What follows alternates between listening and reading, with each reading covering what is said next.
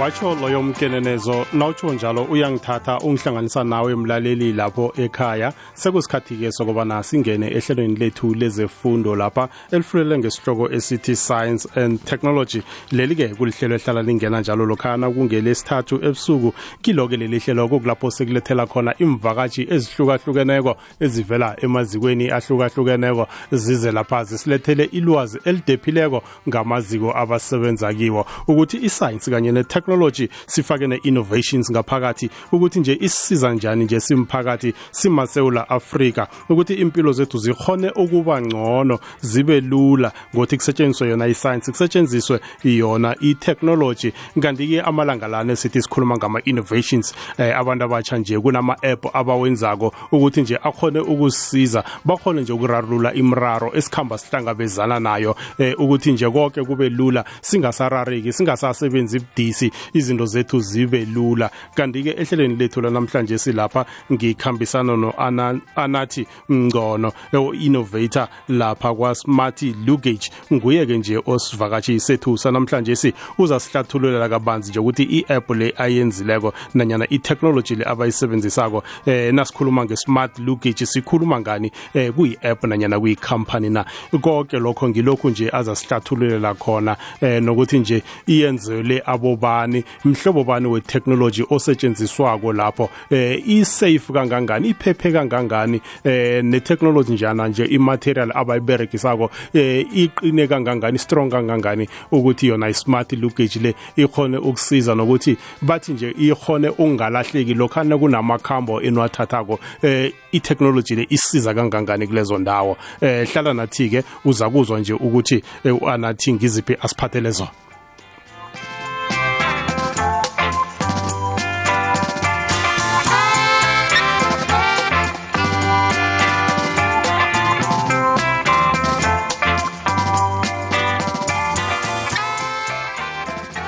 Njengoba nakhe ngatsho-ke lapha ngathi ngikhambisana no-anathi mngcono okunguye nje osivakatshi sethu sanamhlanje si singakarageli phambili-ke nesihloko sethu esisiphetheko namhlanje ngifuna u-anathi akhe alotshise umlaleli ekhaya akhona ukuzwa nje ukuthi sekakhona ehlelweni lethu lanamhlanje si le-science kanye ne-technology. Anathi lotshani Hello dada. Ngiyaphila kunjani abakho hayi siphilile mani ungakhe ulotshise nomlaleli nje umphulaphula Eh Uh okay ndibulisa kwabaphulaphuli bonke bakwa ikwekwezi FM. Eh igama nguAnathi, uAnathi managing director ne co-founder kala ka Smart Luggage.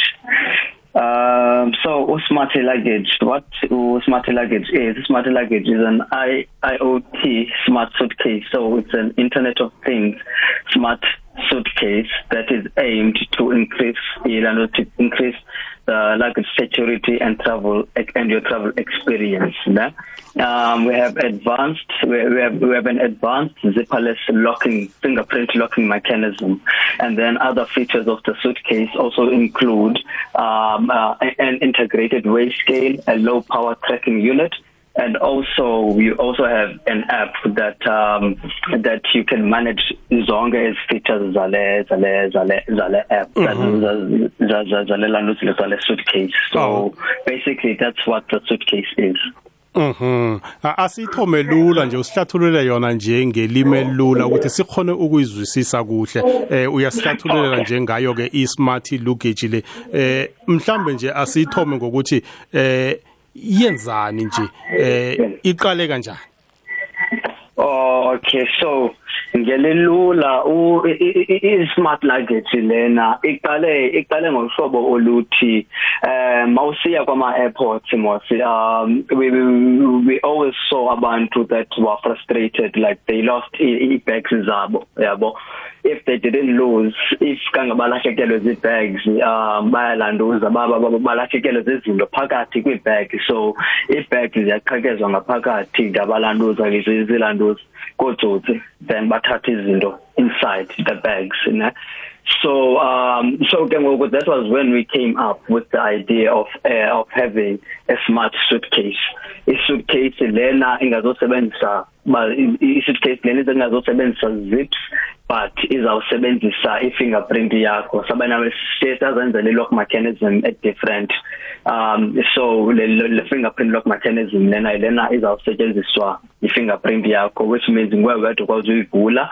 And um if ukhona utsotsi ozama uyivula forcefully i-suitcase yakho. Um izakunika i-message wena efonini yakho through the app bani ukhona umuntu oqhekezayo e-suitcase yakho? And then ke ngoku ibe nezinye iphinde ikwazi ke ngoku no tracker like bani ikwazi uyi-tracker kayingathi iyalahleka okanye izinto ezinjalo? And then ke ngoku eh, se bonus ke ngoku phinde benayo ne-way scale so i-way scale yona iyenzani i-way scale is that bana before uye e-airport ne uyakwazi uweyisha ilando ze suitcase yakho bana zingakanani na ezimpahla zengaphakathi so that ungasika ufika ku-airport ulanduza ubhatale overweight fines. So ikusave la nemali ngelo hlobo. So basically it's it, it, it increases security and also ilanduza yakho and also you can be able to track i-bag yakho lena engithi nje ngifuna ukukuchecha lapha ukuthi uyatsho nje ukuthi eh nekiwa nje lapha kuma airport uthola ukuthi nje ama suitcase nje ayadatshula kuthathwa izinto nanyana alahleke wona ngokwawo. Eh imaterial enenze ngayo eh i smart luggage eh iqine kangangani? So imaterial esiyisebenzisayo ile material bathe yi PET proper i proper i-polypropylene yeah polypropylene le PET so i-PET yona ile material lena esetshenziswa kwezi kwezi suitcases ziqinileyo zithengiswayo nje uzawufumana ezitolo. Lezi suitcases zine zine hard shell uyabo? Mhm. so for i durability yethu ke ngokusebenzisa zona so that i suitcase ingalanuzi inga ingaphuki lula okanye ivuleke lula kakhulu. So sesisebenzisa nje ezo e, e, e, lo material kanye kanye for i-suitcase le. Asikhwele phezulu kwe-technology ke eh kodwa nasingakakhwele phezulu kanje ngifuna ukukunikela isikhathi esaneleko. Asidlulele futhi ngentolo bese eh sikhwela phezulu kwe-technology le. Okhunye bese ukuchwili lapha eh ukuthi kuba ne-sound ekuchoko kodwa ngifuna nje usihlathululele yona ikhona ukuzwisakala eh ukuthi nje noyisebenzisako i-save iqine kangangani. Akhe sijiye ngentolo umkhanyo empilweni yakho ngamalanga. Ikwekwezi fm kukhanya kwabumbutsha ukuya kwalitho. Ikwekwezi fm ikukhanyisela ku-104.1 ukhanya ukhona kukhanya ba usalalele ihlelo lethu le-science ne-technology lapha kukwekwezi FM lapho ngikhambisana khona no-anathi. Eh oyi-managing director kodwa abuye abe msunguli we-smart luggage eh okunguye nje osivakatshisethu lapho sijeje khona nje i-app eh abayisebenzisako yayisukeyisi le eh, kuhle kuhle lapho ukhuluma ngesukeyisi esebenzisa i-technology ngomnqopho kobana iphephe eh begodi nje eh, ingalahleki. Eh uthi nje isebenzisa indlela embili zokuthi ikhona ukukhiyela ingasebenzisa nje eh, i-fingerprint yakho bese isebenzise nendlela ejayelekileko nje yokukhiyela isukesi eh kodwa nje ngifuna ukuthi sithome phasi siwona sino anathi ukuthi i-technology le ukuthi eh ikhone nje ukuthi isukesi le iphephe eh begodu nje isebenzise nendlela ezilula ukuthi lokho noya kuma airport eh sowazi nje ukuthi ibdisi kangangani ikhone ukukusavela nangesikhwanyeni eh anathi akhe sithome lula lapha eh, i-technology eniyisebenzisayo kiyo i-smart luggage le yeah. Oh okay so um so i-technology lena sinayo thina right so i i-smart luggage lena it's based on the technology kuthiwa internet of things technology so just a brief overview internet of things technology internet of things technology technology yezinto eziconnected apha kwifoni yakho like ezinto ezintsha zifikayo ngoku like ukwazi ucontrol ama light ability ngefoni ucontrol ama kettle ngefoni so that's what internet of things. Technology is. So smart suitcase is based on that technology and what uh, we have used it in again we have used in low power tracking you know so our low power tracking thina um our low power tracking iuser isebenzisa ilandoza i low power as compared to GPS yabo because GPS is what is what people are using currently in the market of which if you are traveling from say from eKapa you are traveling to New York for example iyafika seyixexile lo battery lo battery leyo uyabo? Because of how draining the power is your GPS whereas kweyethu ke ngoku thina it doesn't drain that much power. You can actually track your your, your luggage anywhere in the world anytime. So and then ke ngoku sibene integrated weigh scale. So integrated weigh scale yona yilena ke ngoku ukwazi ubana umeasureishe impahla zakho before uya airport um iyakuxelela baze overweight baze overweight izakuxelela kwangoku sesendlini uziphungule impahla. So that uthi ka ufika airport ungafika ubhatala ilanto eza overweight fund ne? And then ke ngoku be fingerprint lock mechanism yethu which is lock mechanism yethu lena ke ngoku we really stand by it yabo? Because that's what we changed when we entered the market yabo? Because what's in the market right now is that suitcases means there's ne zips ne? Of which ke ngoku suitcases ne zips they can be easily broken into ngepen yabona because abatsotsa bayana basebenzisa nje ipen and then bayivula suitcase yakho bangene phakathi. So thina ke ngoku sesayisusa yonke lanto yezip senza baziphale sifike ilanduza i-suitcase lena senza a whole different new lock mechanism that we have patented. Then ke ngoku uh, we have then added bana ukwazi uyivula ngefingerprint. So with that fingerprint functionality ke ngoku uyakwazi nofaka nomndeni wakho umuntu omthembileyo mhlawumbe ufake nomntana wakho if they want to also share suitcase yakho ubafaka ufaka fingerprint lock fingerprint yabo so that they can also be able to open the suitcase. So so yiyo i-technology behind i-suitcase lena leyo Mhm. Uyazi noyihlathulula nje ukuthi ukhona ukusebenzisa ifingerprint eh ngikuzwa lapha nese uyi extender uyisane bantwaneni eh mhlambe nje ukuthi ikhona ukufaka inamba engangani nje yabantu abangakhona ukuyisebenzisa lapho nanyana nje mhlambe omunye nongasafuna ukuthi nje mhlambe umbolekile namhlanje sinakabuyileko lapha kumele angasayisebenzisi ikhona into efana naleyo na ukuthi mm. uyamkhipha kiyo isuitcase le angasakhoni ukusebenzisa ifingerprint yakhe eh so i-suitcase lena yona. It's um ikwazi uthatha i-fingerprints as i-maximum ka-10 ne maximum of 10 fingerprints ne. Uh -huh. and then ke ngoku um so with you being a master user you can you, you can be able to to to, to remove abantu if you don't want them to have access to suitcase lena no more. Uyabo? So after removing them ke ngoku abazokwazi ubana access kwabona because at the end of the day nguwe umuntu ona master ngumuntu nguwe master yelanto za suitcase lena. So you are in control of everything that happens kwilanto za suitcase lena itself. Mm -hmm. so eh uh, so ihamba njalo yo awuzwa ke. Eh sichecha lapha ukhuluma ngibona lapha uthi iziphaless what do you mean? Nicho kuthini la so masithi iziphaless and we mean bana ayisebenzisi ayisebenzisi zippers ayina zip yona leni suitcase mm. leni suitcase iyalanduza it has a unique lock mechanism esiyidesigne ngokwethu from scratch bana mayikwazi ukuwithstanda abantu abakwabo abafuna uyivula forcefully uyabo mm. so if that's what we mean by zipperless and then ke ngoku in addition to that if ukhona umuntu ofuna uyivula forcefully uyabo mhlawumbe umuntu ah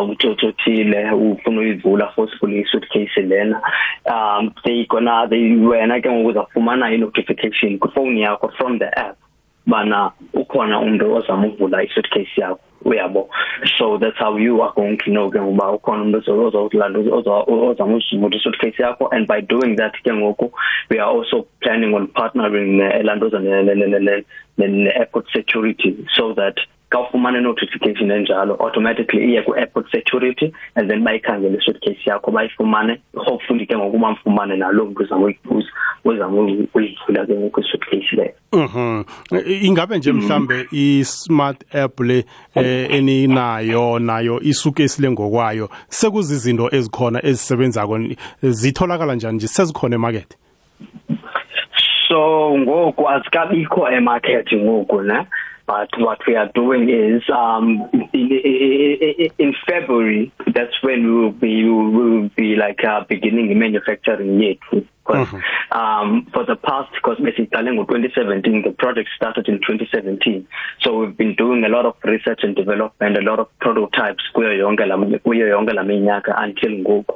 So ngoku we've reached the stage of mana okay we are going to go like full time manufacturing. So ngoku we are still doing the manufacturing yet and then next year around June we will be done with the manufacturing yethu going going into piloting.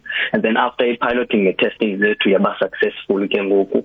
Um we are then going to go commercial ke ngoku apho ke will be inviting the public bana to to to to to to actually um to to to actually get the chance of bana bafumane early access yale suitcase lena Mhm. Uyazi lapha Mm. Ngendlela ingayo nje uthi kuyisukesi eh, ephephileko ngendlela eniyisebenzisa ngayo. Eh, izinto ezifana nalezi ngiyayibona lapha ukuthi ifuna ukuthi ube nelink ngaphakathi ngendlela etsho ngayo nje ukuthi nangabe kunomuntu nje o interfere nayo eh, nani se airport nje niba ni- nicabange nje ukuthi nizoyifaka nelink ne airport security. Mhlambe ke nje emphakathini apha abantu nje abanezinto nje fanele ziphephe nanyana zibe safe khulu eh ikhona nje into njengale emgcondweni ukuthi niza kuba nje nama security companies eniba link nawo nanyana ama police station Mm. Mm. Oh okay yes yes we did think of it nayo leyo into na because kaloku izinto ngoku zenzeka fast kakhulu Mm, you know mm. so nathi kuyafuneka we have to we have to have a great connection and, and we have to have a great connection and great partnerships around us uyabo because one minute umuntu uyakwazi uvela ayithathe suitcase the next you know i-network ayitholakala airport the next ke ngoku umuntu seyisesemotweni sehamba nayo kungona iyapherishayo kuwe efonini ba i-suitcase yakho is on a car iyahamba somewhere uyabo Mm. of which ke ngoku once it reaches that point airport security kaloku ayizokwazi ungenelela. So that's the point ke ngoku nathi ke ngoku we planning on um getting more partnerships like security companies that are going to be more flexible and also the police that can be more flexible if umuntu uthathe i-suitcase yakho and uyayibona isemotweni iyahamba whereby they can actually try and track it down and like see see see, see, see recoveries you know. Because at the end of the day um thina kwa kwa kwa smart luggage we always believe bana i-compensation imali lento ifumana e-airport for i-luggage yakho i-suitcase yakho elahlekileyo will never be enough to replace i-belongings zakho ezizimthileyo mm. you know so that's what we always believe in thina so it's very important for us to also have as partnerships is anathi akhe sijengentolo ke kodwa sizakuthi nisibuyako lapha singenelele. Ngiyakuzwa lapha ukhuluma eh nge-internet of things eh, ngendlela oyihlathulule ngayo ukuthi njenganje niqalelele phezu kwa this luggage isuitcase eninayo le. Kodwana ziningi izinto ezingenelelako eh ukuthi nje mhlambe ukuchinga phambili khuyini okhunye nje enifuna ukukufaka lapho. Siqale ne-safety yayo i-app le. Akhe sijengentolo enkathini zalokha umrhatsho usabanjwa ngokujika ikunube. Ukhambise ilithi liyokuhlala hlangana kuka-90.6 ukuya ku-107.7 ikwekwezi fm ibikhona. Ikwekwezi Let's fire this baby. Up. nenkathini zanamhlanje sizoqhofoza inomboro yedijithali. Nenkundla zokuthindana ezenza umbone ngamehlo umrhatshi wakho omthandako. Kwekwecfm isesekhona 90.6 ukuya ku-107.7 fm umkhanyo ukhona. Umkhanyo khanyo empilweni yakho ngamalanga. Ikwekwecfm kukhanya ba usalalele ihlelo lethu le-science ne-technology lapha kukwekwezi fm lapho ngikhambisana khona no-anathi mngcono. Eh oyi-managing director abuye kodwa abe msunguli we-smart luggage. Eh, nguye-ke nje osivakatshi sethu sanamhlanje si usihlathulule ngayo-ke i-smart luggage njengekhampani wabuya kodwa wasihlathulula nange-app eh, ethiyelelwe ngayo ikhampani le abayisebenzisako. Eh ukuthi nje eh ikhone nje ukuthi kube nesukesi esebenzisa technology ukuthi nje ikhone ukuvikeleka nokuthi ingalahleki eh kube nalapho nje itloga khona nanyana nje ekhona ukusho ukuthi kukhona okwenzekayo kiyo isukesi leyo la uzabe uyibeke khona. Eh ba anathi asiragele phambili ke lapha i-safety yayo. Izinto nje ziyenzeka kuyathola nje kuba nama load shedding affecte indlela izinto ezibereka ngayo. Eh isafe kangangani ama load shedding into ezifana nalezo akusilula ngendlela eni developa ngayo ukuthi mhlambe zingayithinda Uh, okay okay so i-safety yayo ne? So izinto ze-load-sharing and stuff? Azizolanduza it, it, it, it's not affected ilanduza yethu because um when it comes to i-tracking ne? Thina i-tracking yethu it doesn't rely on i-towers i-towers like i-towers or MTN uh Vodacom and the like service providers as rely kwezo ilanduza i-towers nor does it now nor does it also rely ilanduza ku GPS lena uyabo because we're not using GPS for Mm. ilanduza yethu. We're using a combination of technologies uyabo so um so so ilanduza yethu so so so so so so so so the network of ilanduza so the network coverage of of of, of a technology lena sisebenzisayo it um it, it has backup power because it's an IoT network uyabo so it has backup power apha kuyo. So um so it's not easily it's not easily um it's not easily affected by indaba ezidibene load shedding Mhm. and Ko- yeah konke lokho enikwenza kokho mhlambe eh nasicheche ngehlangothini le funding sicheche ngehlangothini lama resources eh bobani nje abanihelebha nje ukuthi i-app le khona ukuba strong ibe safe eh ibe usable ibe cost effective? So i app yona lena it's a it's a, it's a, it's a it's it's a very user friendly app whereby um we we were very privileged bana sikwazi ukuncedwa le technology innovation agency apha kuyo along with the Landozo along with the innovation hub um, from Pretoria. Um they were able to assist us in the development of Landozo of the app to make it as user friendly as possible for Landozo for your travelers as izawusebenzisa i-app yona lena.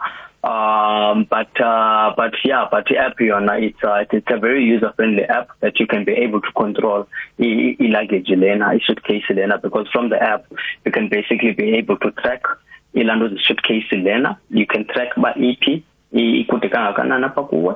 You can you can see bana itikwe kahle na isuitcase lena you know? So you can see its status as bana itikwe kangakanani na. You can add or you can remove users zakho.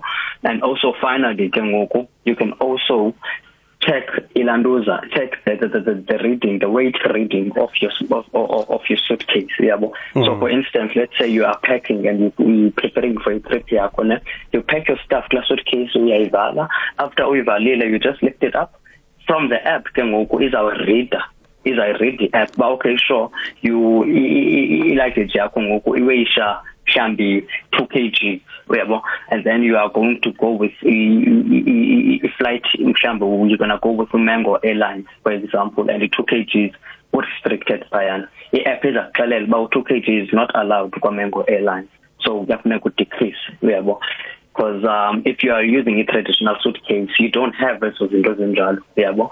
Uyathatha njengofu uyathatha ngofaka wane suitcase yakho uyahamba. Uthi kafika kafika airport kafika airport yo check in bayakuxelela bayi overweight suitcase yakho. You have to pay ke ngokufaya uyabo so uh, so inceda ngalonto nawe la app lena. So it's a very useful app when you're traveling with the suitcase it's very connected to the suitcase anathi anathi ukuthi beni benifike lapho nicabanga khona nge-app efana nale eh, i-foundation nje ukuthi umuntu agcine aba nomcabango njengaloyo eh, i-basis yayo isukela kuphi nje mhlambe njengomuntu omusha. Eh, bayathanda nje ukuba ukuba innovative into ezinjengalezo kodwana nje kumele wazi ama-rules nokusebenza kwe-technology. Eh, mhlambe nje ungathini kulabo nje kusukela ngenkolweni nanyana i-backup okumele babe nayo nabenza ama-app afana nala?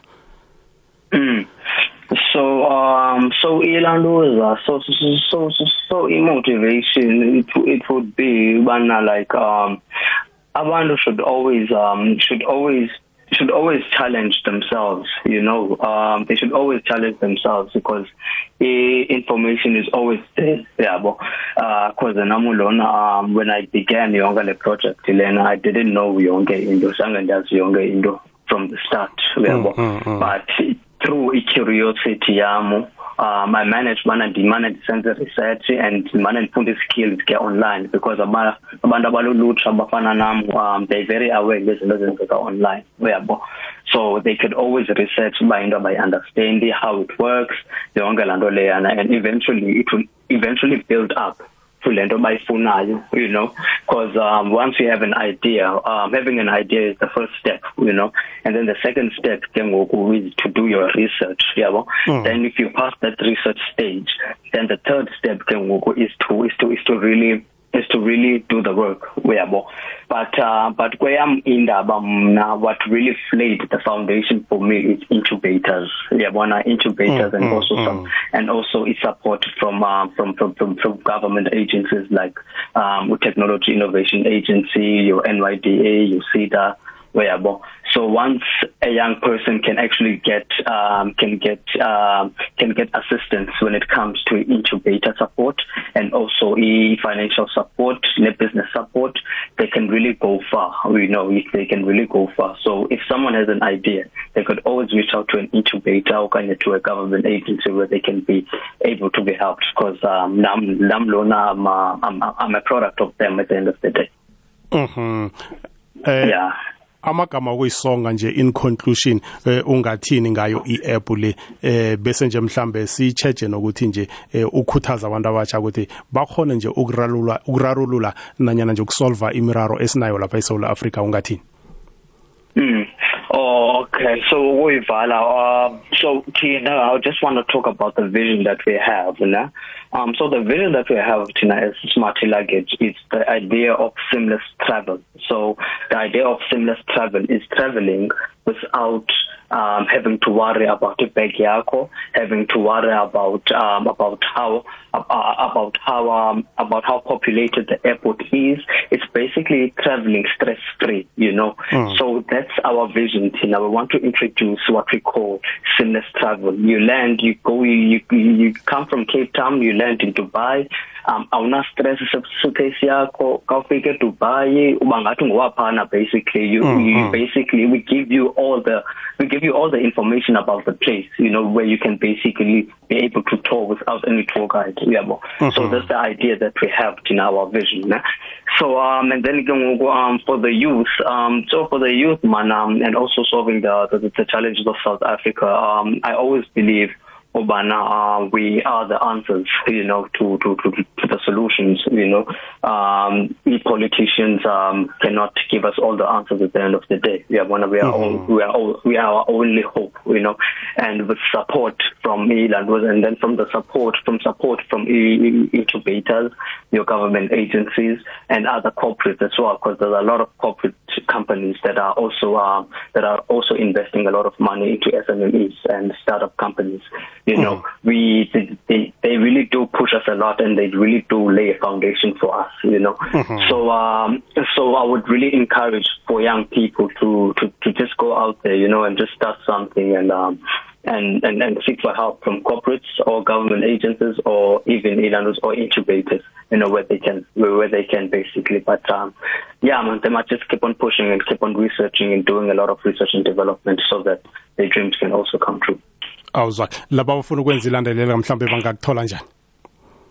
Um bafuna unilandelela ne um i-email yami banganthola email yami it's amngcono10 at gmail.com so ngu A for apple M for mother N for Nick C for cobra O for orange N for Nick and O for orange again 10 at gmail g g m a i l dot com and then ilando zayamba nganthola nasemnxebeni umnxeba wami uthi 061 426 4890 Mhm.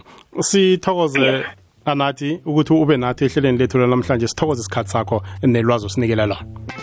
ndiyabulela kakhulu ba awuzwa. Loyo beungu-anathi mngcono eh oyi-managing director abuye godi abe yi-founder ye-smart luggage nguye bekasivakatshi sethu sanamhlanje si la sikhuluma khona njenge-app abayisebenzisako eh ukuthi nje imthwalo akho ibe i- iphephe angitsho njalo nokuthi nje ingakhoni ukulahleka lula ngombana nje kune-app ekutshelako nje ukuthi khuyini okwenzakalako eh ngaphakathi komthwalo wakho eh ongaphakathi kwayo i-luggage isukesi angitsho njalo. Asilibeke lapha-ke ihlelo lethu lanamhlanje le-science ne-technology mina nawe-ke mlaleli asibuye ukuthi sihlangane kilo leli hlelo ngolosithathu weveke elandelako. Lapho-ke sizabe sesikuphathele eli- esinye godo isihloko esimayelana nayo i-science kanye ne-technology kwanamhlanje si akube mumusa.